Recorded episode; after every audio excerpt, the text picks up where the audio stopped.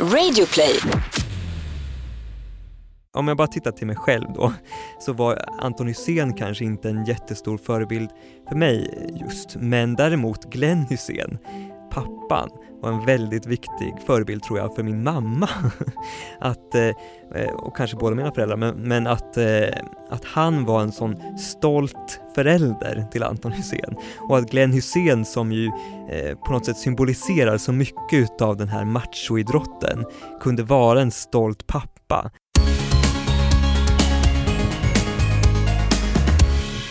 Hallå Tobias! Och hej Anton, och till dig som lyssnar vill vi säga tack för att du gör det på Regnbågsliv, där vi pratar om allt under regnbågen. Och Ja. när vi spelar in det här, så är valet över, och, uff, ja, det är skönt alltså. Jag är Mm. glad att jag röstade, jag gav mina röster, jag gjorde min plikt, det, det är så häftigt att vi har en röst. Och jag tänker på det när vi hade, jag, det här får mig att tänka på när Tobbe Ek var här, och vi Mhm. pratade om Eurovision, och eh, när den här underbara tyska programledaren sa i TV när det var Azerbaijan som höll i Eurovision, att vi har en röst och det är fantastiskt att ha en röst och utnyttja den, Azerbaijan, Europe is watching you.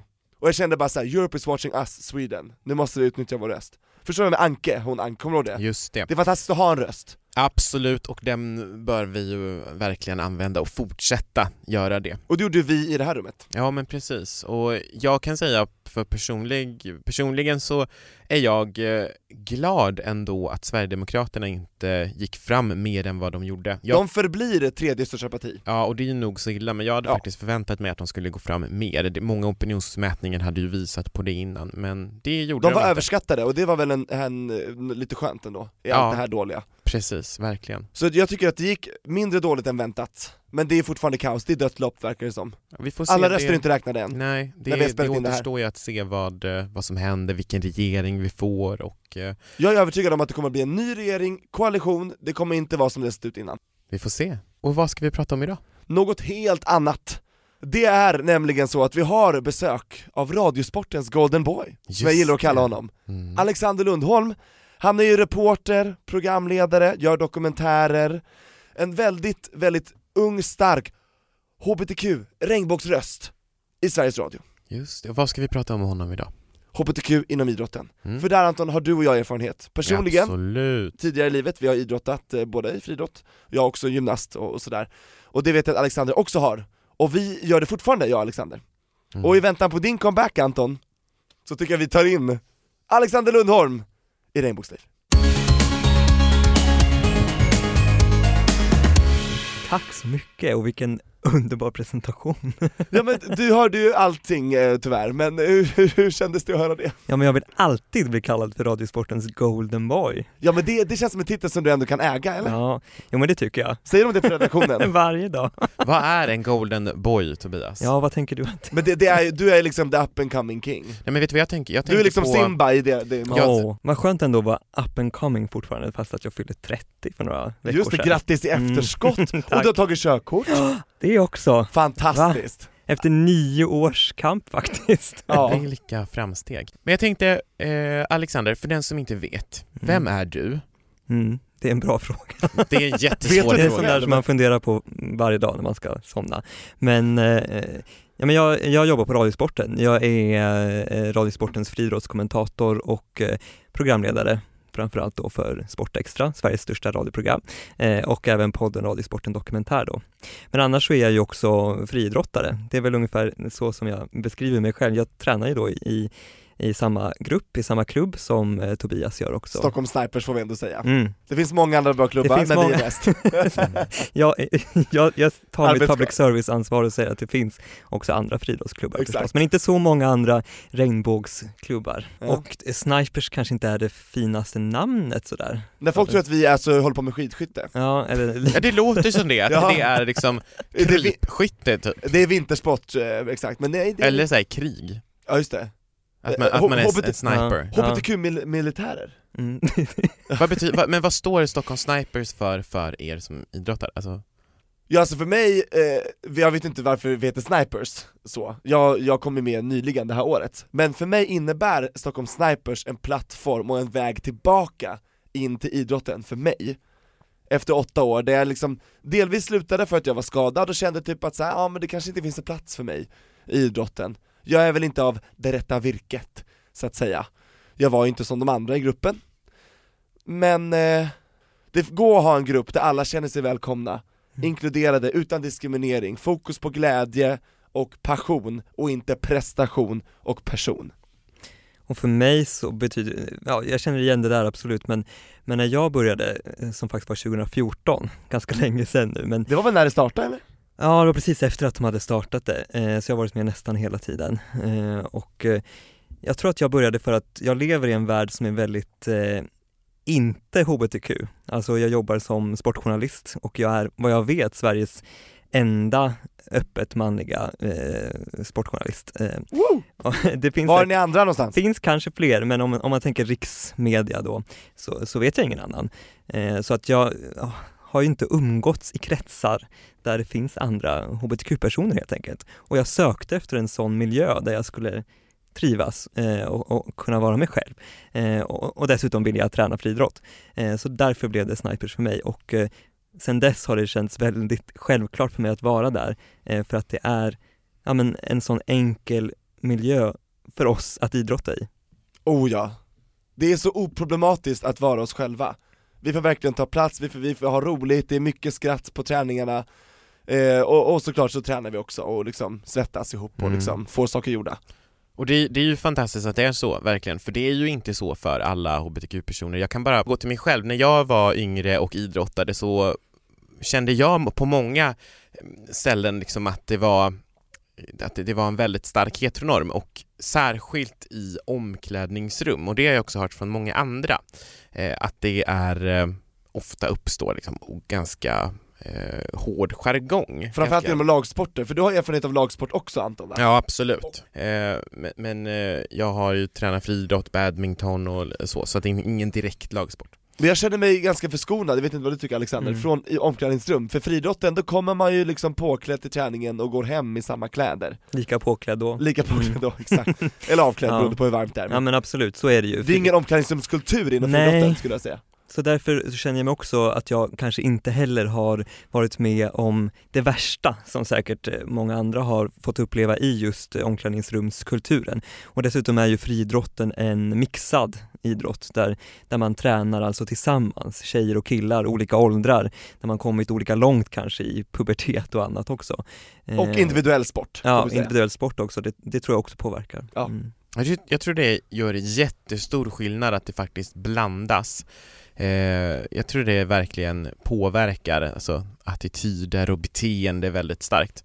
Eh, men har ni någon gång känt att ni liksom inte har kunnat idrotta eller att inte, inte vågat idrotta för liksom, baserat på att kanske eh, till exempel att någon ska liksom, mobba eller retas för ens läggning eller någonting sånt? Jag kände det gentemot lagsporter, så det är ingen slump att jag började med friidrott För först var jag liksom eh, gymnast, eh, då Och sen så hände det en tråkig sak där med min tränare, det har jag berättat om tidigare i podden, det kan man lyssna på i, eh, när jag pratar ut där om, om eh, våldtäkten och sådär eh, Men själva liksom truppen, då var det väldigt mycket fokus på såhär, det var väldigt grabbigt och, och det utnyttjades, utnyttjades också av min tränare men också av andra så här. man måste prestera på samma nivå som oss, annars är det inte med, kan du inte göra liksom tre flickisar efter varandra, då är det såhär, pff, vem är du liksom? Sån hård jargong så det var ingen slump att när jag växte och blev längre så bara, äh, gymnastik är inte lika kul, nu vill jag vara friidrottare istället så här.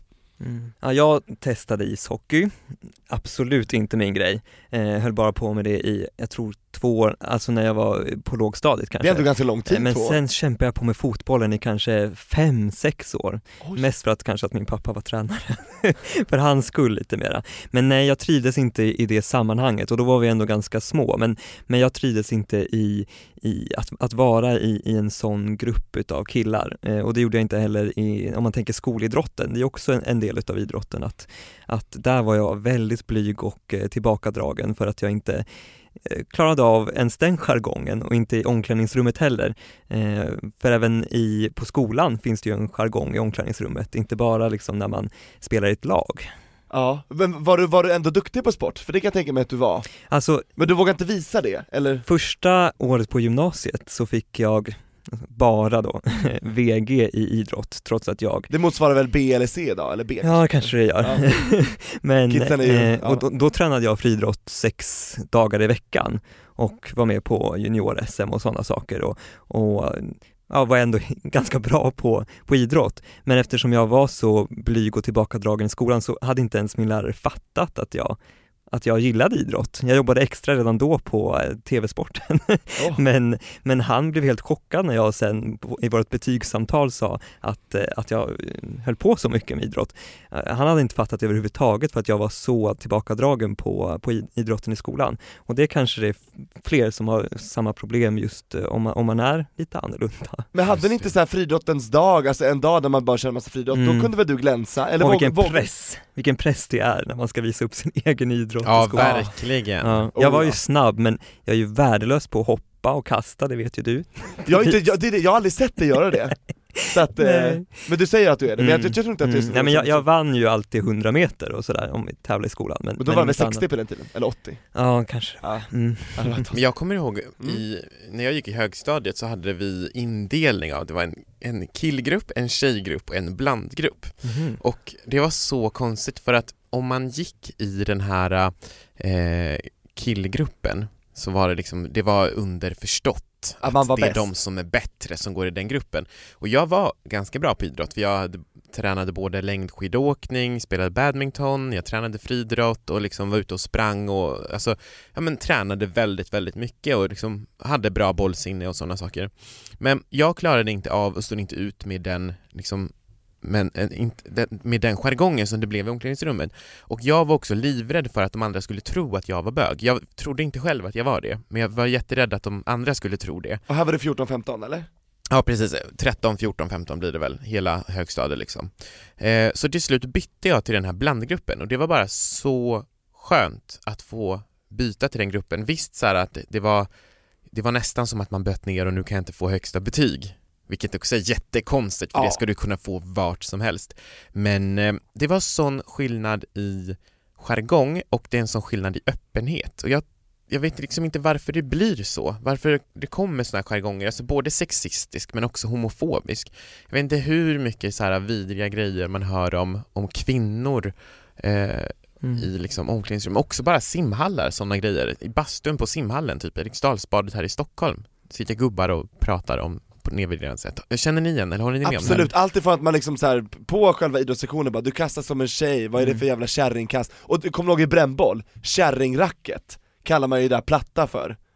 Mm. Och det här, Mm, det här runda. Ja. som var svårare var ju killracket. Ja, och hos Vad oss, är det vi, för skit? hos oss har vi också att om man fångade i brännboll handen, eller bollen med två händer, då var det en bögelyra. Mm. Och har man en hand Just då är det det. en va- så, så det är ju mycket sådana grejer, och det här var ju liksom helt öppet framför idrottslärarna Ja. Som inte reagerade. de sa Mm. inte emot det alls, och det är såhär, ja ah, kärringracket, uh, nu Kanske går alla var det till och fram. med så att idrottsläraren själv kallar det för kärringracket. Mm, Mycket Eller? möjligt. Jag Ja, minns inte riktigt, ja. men så måste det, någonstans måste vi fått det ifrån. Absolut. Men, men jag så det var också, bättre att liksom missa tre gånger med det runda än att ta kärringracket Ja, jag tog kärringracket direkt. Bra Ja. Alexander, Mm. visa att man Mm. kan kasta långt med ett sånt racket också. Men jag tror att det eh, handlar om att eh, just eh, det maskulina, det macho premieras ju i idrotten på så många sätt för att det gäller ju att vara den starkaste, den hårdaste. Och det blir så tydligt. Eh, och och att, att de idealen ju faktiskt är någonting som är bra inom idrotten, alltså den som är starkast vinner ju.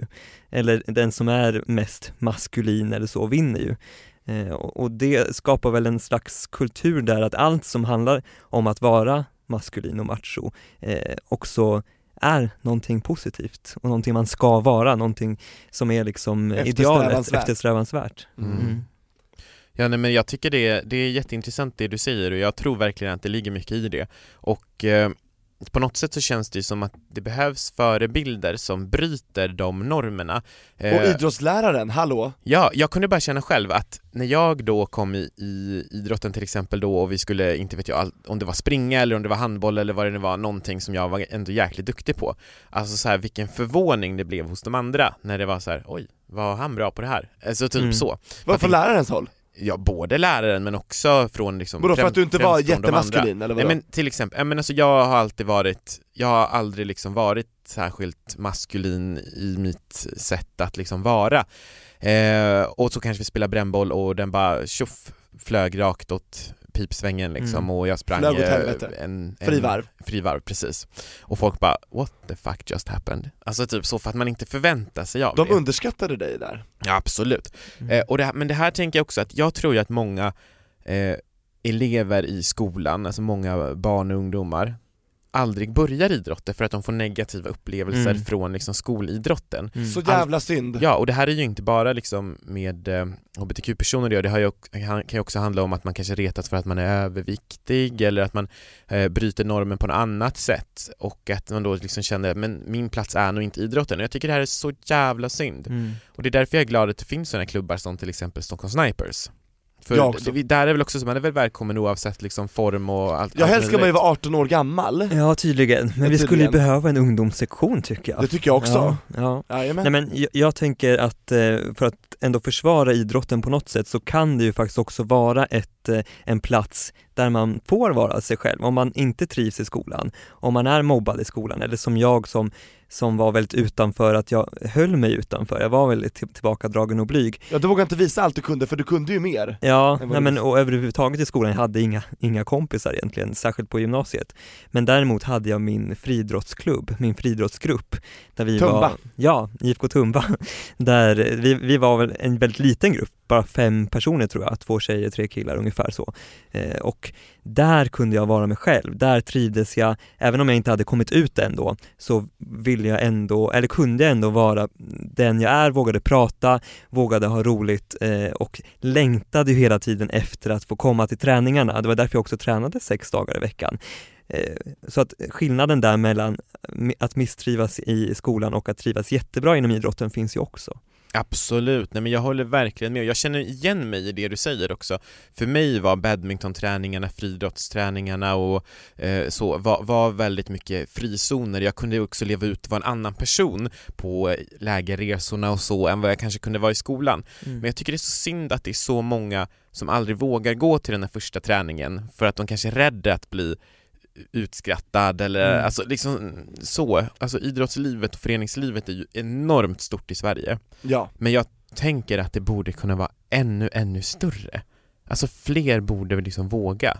Men det, det man också ser är ju att många slutar när de inser att de inte kommer bli elitidrottare. Kanske vid 15 års ålder. Det är väl ungefär där som många slutar att idrotta, när, när de kanske skulle behöva eh, den, eh, Pushen. den sammanhållningen som bäst kanske. Ja. Eh, och, och så slutar man då för att man inser att jag kommer inte bli elitidrottare, då finns det ingenting kvar till mig. Eh, Vilken grupp ska jag träna i eller tävla i? Eh, förrän man blir kanske gammal sen och börjar träna som veteran. Men eh, det gäller ju att det finns sådana klubbar som också tar emot folk som inte är superbra. Att Ja. det finns olika nivåer. verkligen. Ja herregud, alltså när Kajsa Bergqvist liksom var 15, då tror jag hon kom sist i, i spjut, sist i, i det där och i kula och sen tredje sist i höjdhopp. Då tänkte hennes nya tränare, vad ska vi göra av det här? Mm. Och hon har idag världsrekord i höjdhopp. Alltså förstår du, det, och liksom stolt eh, lever med en Ja, kvinna. Absolut, och prestationen behöver ju inte alltid heller vara målet. Det kan ju vara liksom träningen, det, att det är roligt, att det är eh, så. Exakt, så att vi tappar ju så många talanger på grund av allt det här som vi har tagit upp, alla de olika grejerna. och också en Ja. grej som vi får många brev om. Vi har ju pratat om lite om det här med HBTQ och idrott, till exempel med eh, Peter Häggström, tidigare OS eh, i- Längdhoppare i Sydney, med Kajsa. Ja. precis. Mm. Och så har vi gjort det vid några andra tillfällen och många har ju skrivit in brev till oss om att de själva är oroliga över att så här, komma ut inför sitt lag, oftast är det då Eller lagsporter. trupp, ja som är Ja. friidrott. Eh, jag kommer ihåg, det var något brev, det var en kille som, han var just om den här homofobiska jargongen i omklädningsrummet och han var ju, skrev ju att han ville sluta. Mm. För att han, det var liksom ingenting han kände att han kunde ta med sin grupp. Då är det bättre att bara sluta komma på träningarna. Mm. Och här vet jag att många klubbar gör ett fantastiskt jämställdhetsarbete. Eh, men det känns som att det kan inte bli eh, nog mycket top of mind eller nog stort fokus på det för att alla borde verkligen också kunna känna sig välkomna i idrotten. Ja, och jag tycker ett bra recept på det, som ni har tagit upp, tagit upp både du och du Anton, att blandade grupper. Ja. För jag kommer ihåg i Tureberg när jag gick där, då hade vi så här tjejer och killar vi tränade tillsammans och jag kände framförallt mycket mer gemensamt med tjejerna, då hade jag i alla fall, då hade jag mitt gäng, de tyckte jag var jätterolig för jag var inte som andra killar Liksom jag bjöd ju mer på mig själv och jag var lite mer som dem typ, tyckte de, så då hade vi jättekul och Men det, det är väldigt bra tror jag att vara blandad, och sen när jag kände, när det bara var killarna, då var det en helt annan jargong, Mm. vår tränare var mycket mer så här hård och direkt och kort liksom och bara, och när tjejerna var med, då var det lite mjukare så här. Och jag tycker det ska inte behöva vara så att man bara, alltså ett, ett visst kön ska få en viss jargong, det ska gälla alla Men ni förstår, Mm. jag tror att, bra att blanda, åldrar och kön va? Jag, trots att vi hade en väldigt fin träningsgrupp, så kom jag ju ändå aldrig ut. Jag kom inte ut någonstans i och för sig förrän jag var 21 år, men jag tänker att om det inom idrotten ändå hade funnits några förebilder i min klubb Mm. eller i friidrotts-Sverige eller överhuvudtaget någon i idrotts-Sverige som hade kommit ut så hade det kanske varit något lättare att göra det. Eh, för det är ju ett faktum att vi i Sverige inte har någon manlig eh, elitidrottare som har kommit ut. Aktiv sådan. En aktiv sån. Bara liksom eh, Peter Häggström, det var långt efter Ja, långt karriären. efter karriären. Vi har Anton Hysén som ju absolut jättebra att han gjorde det, men fortfarande inte på allsvensk nivå. Nej. Eh, toppnivå alltså. Och sen har vi alla de här underbara brudarna, Anja Persson, Kajsa Bergqvist, men det var också flera år efter, då hade ju alla vi tre lagt av med vår elitkarriär också. Vi hade Ja, behövt dem Och det tidigare. finns ju en stor skillnad på, på att det finns ju många kvinnliga elitidrottare som har kommit ut och som även aktiva kvinnor, alltså nu tävlandes kvinnor som Vi har ju tennisspelaren Johanna, har vi Ja, vi har ett, ett damlandslaget i fotboll, ett gäng till exempel också. Caroline Seger och så. Bordtennislandslaget har också Mm. eh, spelare. Men Ja. eh, alltså, där har vi ju den här skillnaden, tror jag i alla fall, me- mellan idealen att, att eh, Ja just att det är svårt att komma ut på här sidan handlar ju om de här machoidealen. Att den Och- tröskeln är så pass högre. Ja, och att, det, att den inte finns på samma sätt på, på damsidan. Mm. Nej men det är, och det, det är jättesorgligt att det ska finnas sådana trösklar verkligen. Jag kommer ihåg att jag läste om ett, ehm, ett flak i en Pride-parad, jag tror det var någonstans i Storbritannien, som, eh, det var, det var ett helt tomt flak. Eh, och så stod det stor text runt så att eh, ja, men det här är flaket för alla öppna eh, idrottare i bla bla bla Ah. ligan. Vilken, vilken talande peak Ja, då, så var den ju helt tom. Ja, ja precis. det, det är ingen som hade kommit ut där. Nej.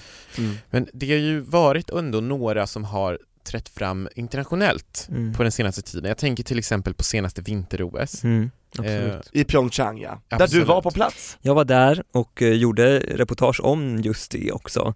Adam Rippon, konståkaren och Från USA, va? Absolut. Det var ju framförallt de amerikanska eh, gayidrottarna som väckte mest uppmärksamhet, även om det var en kanadensare som ju vann det första guldet som en öppet manlig eh, Och vem var det, i idrottare. vilken sport? I konståkningen. Ah, Eh, där även Adam Rippon tog medalj då i lagtävlingen. Och sen har vi Gus Kenworthy också eh, amerikan i eh, eh, freestyle-skidåkningen som, tog, som in, inte tog medalj den här gången.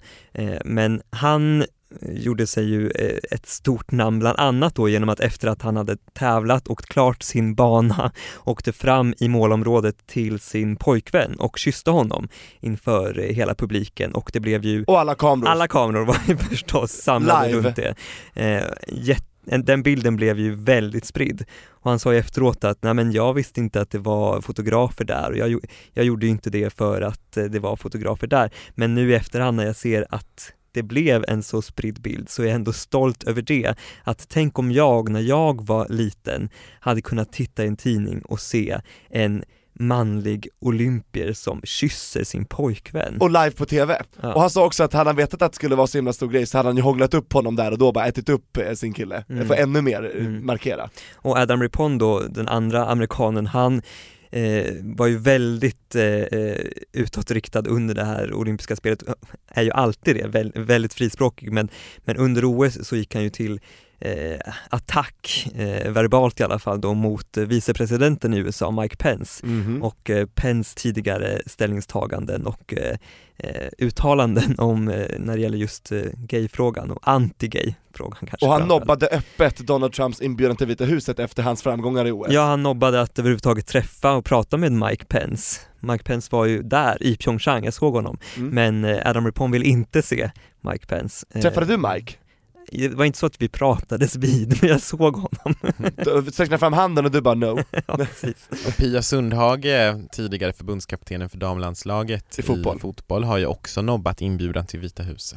Mm. Och vi har ju sett i USA då kanske framförallt att det har kommit ut eh, ett gäng eh, manliga idrottare i NFL, i NBA, i den stora fotbollsligan där alltså Mm. eh, soccer eh, och även runt om i världen att till exempel Ian Thorpe, den gamla simmaren som ju var som bäst i Sydney OS 2000, han har ju också kommit ut. Det har varit andra eh, fotbollsspelare i Tyskland till exempel som har kommit ut. Så det händer ju saker eh, runt om i världen, även om det verkar stå still i Sverige då. Men jag, jag, jag tror ändå att de här förebilderna är extremt viktiga. Jag, om jag bara tittar till mig själv då, så var Anton Hysén kanske inte en jättestor förebild för mig just, men däremot Glenn Hysén pappan var en väldigt viktig förebild tror jag för min mamma.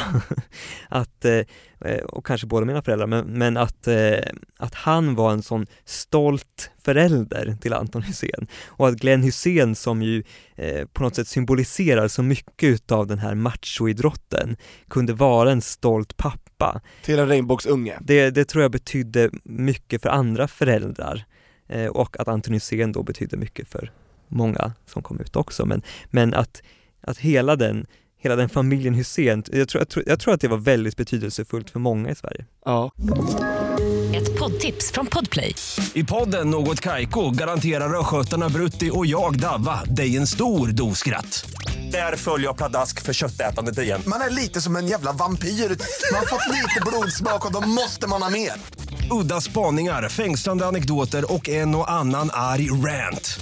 Jag måste ha mitt kaffe på morgonen för annars är jag ingen trevlig människa. Då är du ingen trevlig människa, punkt. Något Kaiko, hör du på Podplay. Därför är gardinerna. Och jag känner ändå, eftersom att jag har rest runt nu under min, eh, mitt comeback-år som det här ändå är 2018 för mig, jag har varit på extremt många tävlingar, jag har aldrig tävlat så mycket och det har aldrig gått så bra för mig, men då har jag sett så många konkurrenter och medtävlande till mig, och jag känner ändå att jag, jag, jag anar, jag ser hbtq-pins, jag ser hbtq-svettband, mm -hmm. jag ser ändå det, så jag tänker så här. hoppas nu att ni alla här nu fortsätter idrotta och, och gör någonting av era karriärer, så att ni kan synas på globala plattformar och fortsätta vara så öppna som ni är nu gentemot mig när vi tävlar här på den här lilla skittävlingen ute i den här hålan. Förstår ni vad jag menar? Jag ser mm. att det finns en stark hbtq öppen representation bland de som tävlar just nu. Hoppas bara att det ligger i sig.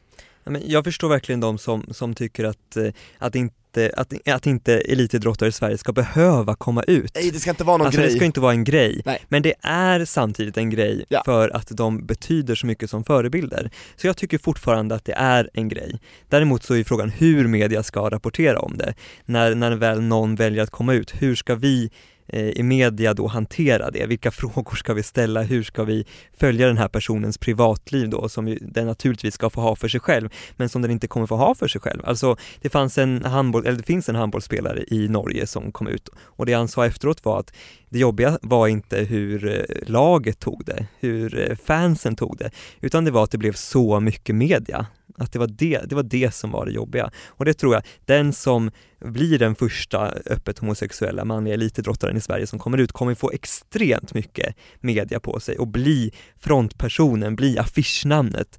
Eh, och eh, det är klart att det tar emot, för det kommer betyda att så mycket kraft och energi från ens karriär och prestationer, eh, och prestationen kommer att, kommer att gå till att liksom eh, prata om det här, att, att, att vara den, den stora förebilden. Så det skulle ju behöva spridas ut på fler tror jag. Men finns det inte mycket att vinna också? Alltså då får man mycket, mycket uppmärksamhet, mm. man kanske kan vinna sponsorer på det också Man får massa samarbeten, mm. tänker jag, eller vad tänker ja, ni? Så är det ju absolut Ut, Inte att säga för att man, det är ju dumt uh, att utnyttja HBTQ för det men om man ändå är genuin HBTQ ja, men jag, tror, jag tror inte att Adam Rippon till exempel hade varit en sån stor stjärna. Nej precis, eller Tom Daly. Tom Daly framförallt kanske. han, han, är det, säger man simhoppare? Ja han är simhoppare. Från England, Storbritannien. Mm. Mm. Han är pappa nu med sin Lance Black som är dubbelt så gammal Just från USA. Mm. Ja, men jag tänker att jag hoppas när, när det blir första svenska elitidrottaren som aktiv då som kommer ut Jag hoppas att det ändå på något sätt inte blir en jättegrej, alltså, även fast det kommer ju vara Risk för exotifiering, men, det kan bli det Nej men ja, nej, det, jag hoppas snarare att det blir att, alltså att vi sitter där i tvn och, uh, inte vet jag, om det är en idrottare som går fram och pussar på sin partner eller någonting, att man bara ja, och där i bild ser vi personens mm. fru eller man eller ja, och att det liksom inte blir en grej, men det är ju ett idealsamhälle enligt mig. Ja, vi i Regnbågsliv kommer jag hoppas hantera det här på ett utmärkt sätt. Men bjuda, vi bjuda in personen? Och, ja exakt, och, och, och, och Radiosportens golden boy här Alexander, jag hoppas du kommer rapportera i Sveriges Radio också på ett väldigt mm. värdigt sätt Hoppas det Men hur tror ni att andra i media i Sverige kommer reagera då? Jag tror att det, att det tyvärr bli, är det ju en väldigt, väldigt stor grej idag för att det är en stor grej liksom i, i samhället och sen i och med att det inte finns någon elitidrottare som är öppen just nu, som är aktiv. Och blir titta på de som kommenterar, förutom du Alexander, det är fortfarande många äldre vita män som kommenterar samma sport som de alltid har gjort, Mm. hela det tiden. behöver inte vara något fel på det det. inte vara fel på liksom. det, men Ja. jag tror att det kanske är svårt Jag, jag minns när Tom Daley tävlade faktiskt i London, eller i, i något av de olympiska spelen han har tävlat i, eh, när han fortfarande inte var öppen.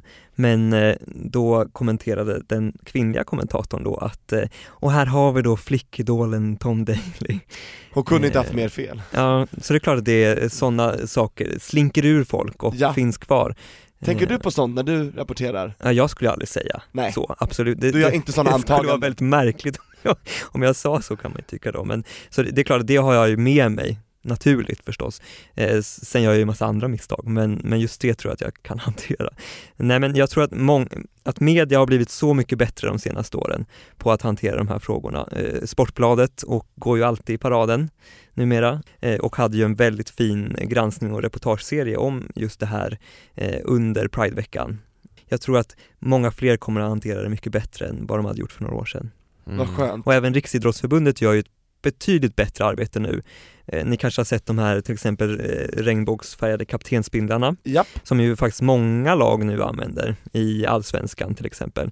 Eh, det är alltså en, en, en kaptensbindel i regnbågens färger som alla lag får ha. som man har på överarmen Ja, och jag tror att det är en fem, sex lag som har det i Allsvenskan. Eh, senast ut var Malmö FF, ett av de bästa lagen då. Eh, de la ut en bild på Instagram där de skrev att vi för alla människors lika värde och sen hade de den bilden. Och de stängde inte av kommentarerna. Det gjorde de inte och eh, det blev ju väldigt talande för att det säkert är svårt som fotbollsspelare att fortfarande komma ut för det kommentarsfältet var inte kul att läsa ur, ur ett eh, regnbågsperspektiv då, alltså det var mycket hat kring att Malmö FF hade gjort denna vidriga, äckliga handling att, att välja en regnbågskaptensbindel. Och det är också intressant att det just är i Malmö, Skåne, där det är väldigt, eh, eh, ja, det blåser väldigt eh, nazistiska, rasistiska vindar. SD är väldigt eh, överrepresenterat där. Men Det alltså, är intressant. vi kan ju bara kolla i, i Kiruna var det till exempel en skola som la ut att de hade haft regnbågsflaggan uppe under, under den tiden som det var Kiruna Pride. Mm. Och alltså det var ju hundratals kommentarer på den här skolans Facebook-sida om att så här, hur sjukt det var och så vidare. Och jag gick in och kollade på de här kommentarerna. Det Du kände ju, många av dem? Jag visste vilka många var och många var föräldrar till eleverna på skolan och då tänkte jag så här hur kan föräldrar på en skola dreva mot att liksom skolan väljer att ta upp regnbågsflaggan för att det är Kiruna Pride? Nej, så, Stackars så det de finns barnen som kanske hela sig- landet, från Ja. norr till söder. Tänk de Mm. barnen som kanske lyssnar på vår podd till exempel, eller är liksom HBTQ, de eh, funderar över sin identitet och bara ser sina föräldrar bara, bara hata på nätet. Det Mm. måste vara Ja, och där tror jag det är viktigt att när man ser sånt hat, till exempel där i, när Malmö FF har valt att ha den här kaptensbilden och kommentarsfälten visar på mycket hatiska kommentarer Det är liksom barn som går in och läser de här kommentarerna och liksom, det blir liksom som digitala slag, alltså på, Mm. på självkänslan och om, speciellt om personen är själv kanske är homosexuell eller hbtq-person Identitetssökande. Ja, absolut, och då, för det, det blir ju på något sätt, alltså då är det så viktigt att fler tar ställning för liksom öppenheten och mångfald tycker jag. Ja, att uppmuntra det och inte slå ner på det. Jag håller med dig helt Anton, väldigt bra sagt. Men jag tycker att det har varit väldigt stora framsteg de senaste åren inom idrotten och många förbund och klubbar som har regnbågscertifierat sig, eller hbtq-certifierat sig heter det väl. Eh, alltså att de inom den föreningen eller, eller eh, förbundet har gått kurs i, i hur man ska hantera de här frågorna. Eh, sen är ju, är ju då problemet kanske att det är några få eldsjälar i de här förbunden eller föreningarna som tycker att det här är en viktig fråga. Hur ser det ut ute i lagen? På riktigt alltså, hur, Exakt. hur låter det i omklädningsrummen? Och de ledarna som är då längst ner i kedjan, alltså nere bland lagen, hur hanterar de de här frågorna? Eh, och om den här eldsjälen försvinner, vad händer då? Precis, för ett diplom är ingen garanti för att det efterlevs, man måste ju Absolut fortsätta aktivt att precis. använda sina kunskaper som man har fått. Man Mm. kan ju inte bara stoltsera, vi har ett diplom, och sen är det jättehård jargong ändå. Mm. Men om vi breddar perspektivet då, tänker internationellt. Vi har ju till exempel Caster Semenya, Mm. hon är alltså medeldistansare ifrån Sydafrika, Världens bästa. på damsidan där. Alexander kan du bara bryta ner det här drevet mot henne för att det, det är, det är ju fruktansvärt kränkande. Mm, hon har ju blivit kallad för man i, i många år sedan hon slog igenom som väldigt ung 2009 eh, och sen dess har det ju varit diskussioner om att hon har för höga testosteronvärden och att det gör att hon eh, är eh, överlägsen och inte borde få tävla bland kvinnor. Hon eh, själv vill ju tävla bland kvinnor och ser sig själv som, som en kvinna, eh, lever med en kvinna i, i Sydafrika. Och det har inte fått någon uppmärksamhet. Hon är en stark hbtq-röst Ja, alltså. absolut och verkligen På globala i scenen. Afrika dessutom, Ja. väldigt stark röst Caster Semenya. Men nu kommer hon kanske aldrig mer att få tävla, eller hon kommer kanske att få tävla men då måste hon medicinera sig, alltså medicinera ner sina testosteronnivåer. Med start nästa år va? Ja, från Nästa och med säsong. nästa säsong helt enkelt. Och hon har överklagat det här då, vi får se hur det slutar. Men mycket talar ju för att Friidrottsförbundet får som de vill och att Caster Semenya måste medicinera ner sina nivåer. Eh, Och det kommer di- direkt påverka hennes prestationer. men det, det är ju det här som är problematiskt med idrotten, att den är så könsuppdelad, att man är kvinna eller så är man man. Och man kan kan inte vara någonting däremellan. Där har ju idrotten stora problem, till exempel om någon har gjort en könskorrigering och en manlig eh, tyngdlyftare, för att ta ett exempel som finns, en manlig tyngdlyftare som nu är en kvinnlig tyngdlyftare, men som ändå har kvar en hel del utav det som hon tidigare hade som man. Numera är hon överlägsen i damklassen. Hur hanterar man en sån problematik? Det är ju en jättesvår fråga för idrotten. Ja, hur tycker du att media har behandlat Casa Semenya? För jag kan ju bara säga, alltså svenska reportrar från TV4 och SVT, som ständigt, i varenda intervju hon gör, hon har vunnit ett lopp, hon har ju sprungit fantastiskt, nytt personbästa, hon får, vi måste komma ihåg, hon är inte den snabbaste kvinnan någonsin, hon är fortfarande en och en halv sekund ifrån världsrekordet, Mm. som jag tror någon östeuropé har, så att hon Mm. är inte liksom, det är inte överlägset överlägset någonsin Mm. bäst. Eh, hon är bara bäst just nu i världen. Det, hon, de pratar inte om vinsten, Nej, och de det bara, hur går det med utredningen? De bara 'bye, thank you, hejdå' Ja, precis. Det är ju ganska tydligt att hon inte vågar springa, eller att hon tidigare i alla fall inte har vågat springa så snabbt som hon kan. För så fort hon gör en bra tid så ökar ju spekulationerna igen och de här frågorna kommer tillbaka. Nu har hon ju i år liksom velat springa så snabbt hon kan för att det här kanske är sista chansen då. Mm. Eh, Men, men jag tror det är ändå ganska många år nu som den här Semenya-frågan har varit och eh, det finns journalister som har gjort övertramp. Men allt fler tycker jag som problematiserar den här frågan. Eh, Och särskilt har vi gjort det tycker jag i, i Sverige och eh, kanske framförallt Radiosporten. Ja det får jag ändå Som säga. gjort många reportage och granskningar utav liksom vad den, den här testosteronnivån egentligen innebär och så vidare. För det finns verkligen motstridiga uppgifter kring om, om det är en fördel att ha högt testosteron eller inte. Exakt, och därför tycker jag det är så skönt, vill jag bara säga avslutningsvis, att jag kunde få tävla i regnbågs-OS, som du tyvärr missade Alexander, Mm. då var ju du på EM i Just det. friidrott i Mm. Berlin. Jag var i Paris, på Gay Games, och där finns det klasser för alla. Vi har män, vi har kvinnor, vi har trans. Det här har den internationella eh, elitidrotten långt kvar att nå. Mm. Hur kan liksom, de komma ikapp här? Ja det skulle ju vara då att starta en till klass, att ha Ja. kvinnor, män och en till klass då. Vad tror du skulle hända Det då på tror den jag är globala scenen? väldigt långt ifrån. Alltså idrotten är ju fortfarande baserad på eh, det som skapades för över hundra år sedan, liksom att man tävlar för sin nation och man tävlar i sitt kön. Och det där tror jag kommer att hänga kvar som ett stort problem, men det kommer ändå hänga kvar inom idrotten. Jag, jag har svårt att se att, att det kommer bli några stora förändringar just när det gäller det. Åh, vad tråkigt. Men då, då finns gay games, kom ihåg det. Du där Exakt. ute som idrottare och känner bara, nej, det, du hör hemma på gay games, där Mm. finns alltid plats för dig. Och sen ska vi komma ihåg också att idrott är ju, även fast det är det mesta vi ser på TV, så är idrott så mycket mer än elitidrotten. Där kan ju faktiskt enskilda klubbar gå före. Så att även fast det finns internationella spelregler så finns det ju liksom sätt man kan arbeta med inkludering på, på lokal nivå. Sen vill jag bara säga en sak till när det gäller att det kanske är svårt för manliga elitidrottare i Sverige idag 2018 att komma ut. Det märker till och med jag, att jag får alltså eh, hat och viss, Nej. jag har även fått hot, men väldigt liten skala ska jag säga, men ändå jag har de? fått det och det räcker att få en två, tre stycken sådana för att tycka att det är skitjobbigt. Och om jag som bara är en neutral reporter på Radiosporten kan få för att jag har en annan läggning än, vad de har då. Eh, då undrar jag, vad kommer hända med den fotbollsspelare eller hockeyspelare som väljer att vara först med att komma ut? De kommer att få mycket skit, även fast det är i Sverige. Eh, så det ska vi vara medvetna om. Alltså de tycker att jag inte ska vara sportjournalist för att jag är gay, precis som att kvinnor inte ska vara sportjournalister, för vi har ingen koll på idrott. Det finns folk kvar i Sverige som har den åsikten och, och de tankarna, eh, så att det, det måste vi komma ihåg. Och det, det, det, exakt, det, det kanske man ska vara beredd på innan Mm. eh, liksom, någon väljer att komma ut där då. Och innan man sitter och säger att, eh, vadå, det är väl inte så svårt att komma ut i det här öppna Sverige liksom. Kom ut bara.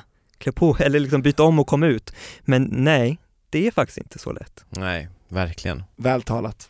Men vi, vi sitter ändå här vi tre för att försöka underlätta lite grann ändå, och uppmuntra, och få den som kanske tänker så här: nej det där är väl fel, jag tänker, tänka om. Och med de orden, så måste vi börja runda av. Vad tråkigt. Det tycker jag också. Det här kan man prata om länge. Ja, Eller vad känner ni? absolut. Det finns jättemycket mycket stenar att vända på. Och då hoppas jag att du eh, kanske vill komma tillbaka Alexander? Om du kallar mig för, Sve- eh, Radiosportens golden boy. ja då kommer jag tillbaka. Vill, vill du alltid vara det? Eller vill du? Ja. ja, det, ja bra. Mm.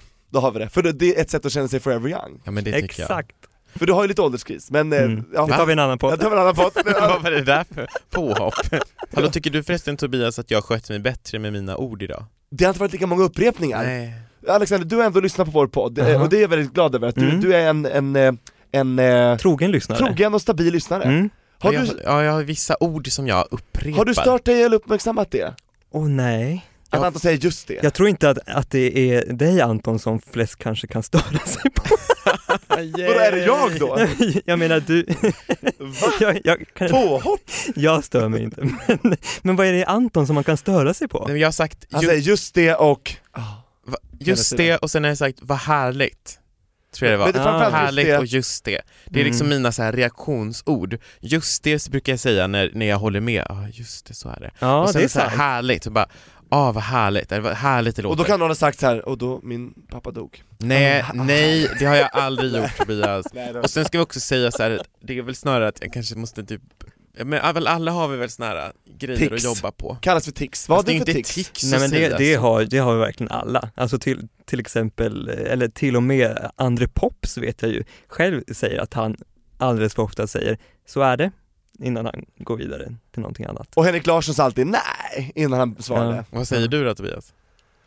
Jo, Jag, jag, jo, för jag, jag, jag brukar klippa bort det igen. jag, har, ju, jag har ju ärvt det av min, det. jag har ärvt av min, min tv-lärare på Journalisthögskolan Hon betonade alltid ju väldigt starkt Det här är en, en komplicerad fråga, ju Mm.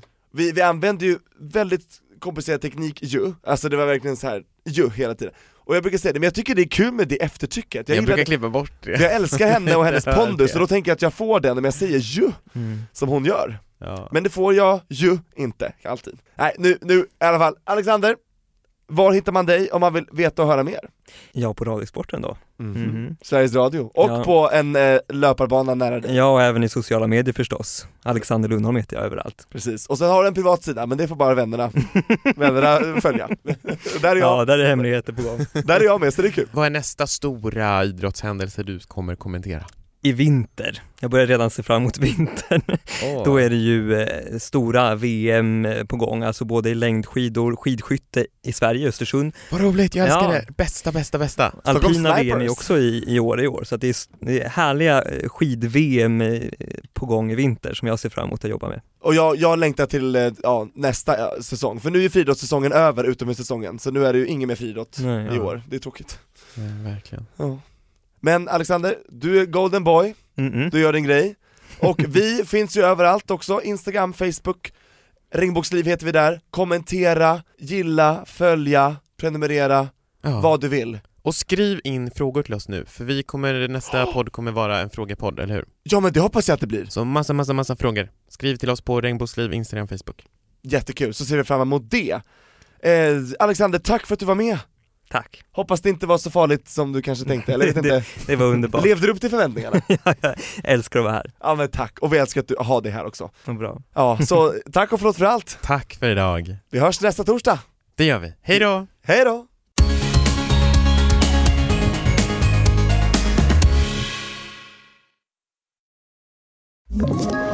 Ett poddtips från Podplay. I fallen jag aldrig glömmer djupdyker Hasse Aro i arbetet bakom några av Sveriges mest uppseendeväckande brottsutredningar. Går vi in med hemlig telefonavlyssning och, och då upplever vi att vi får en total förändring av hans beteende. Vad är det som händer nu? Vem är det som läcker? Och så säger han att jag är kriminell, jag har varit kriminell i hela mitt liv men att mörda ett barn, där går min gräns. Nya säsongen av Fallen jag aldrig glömmer på Podplay.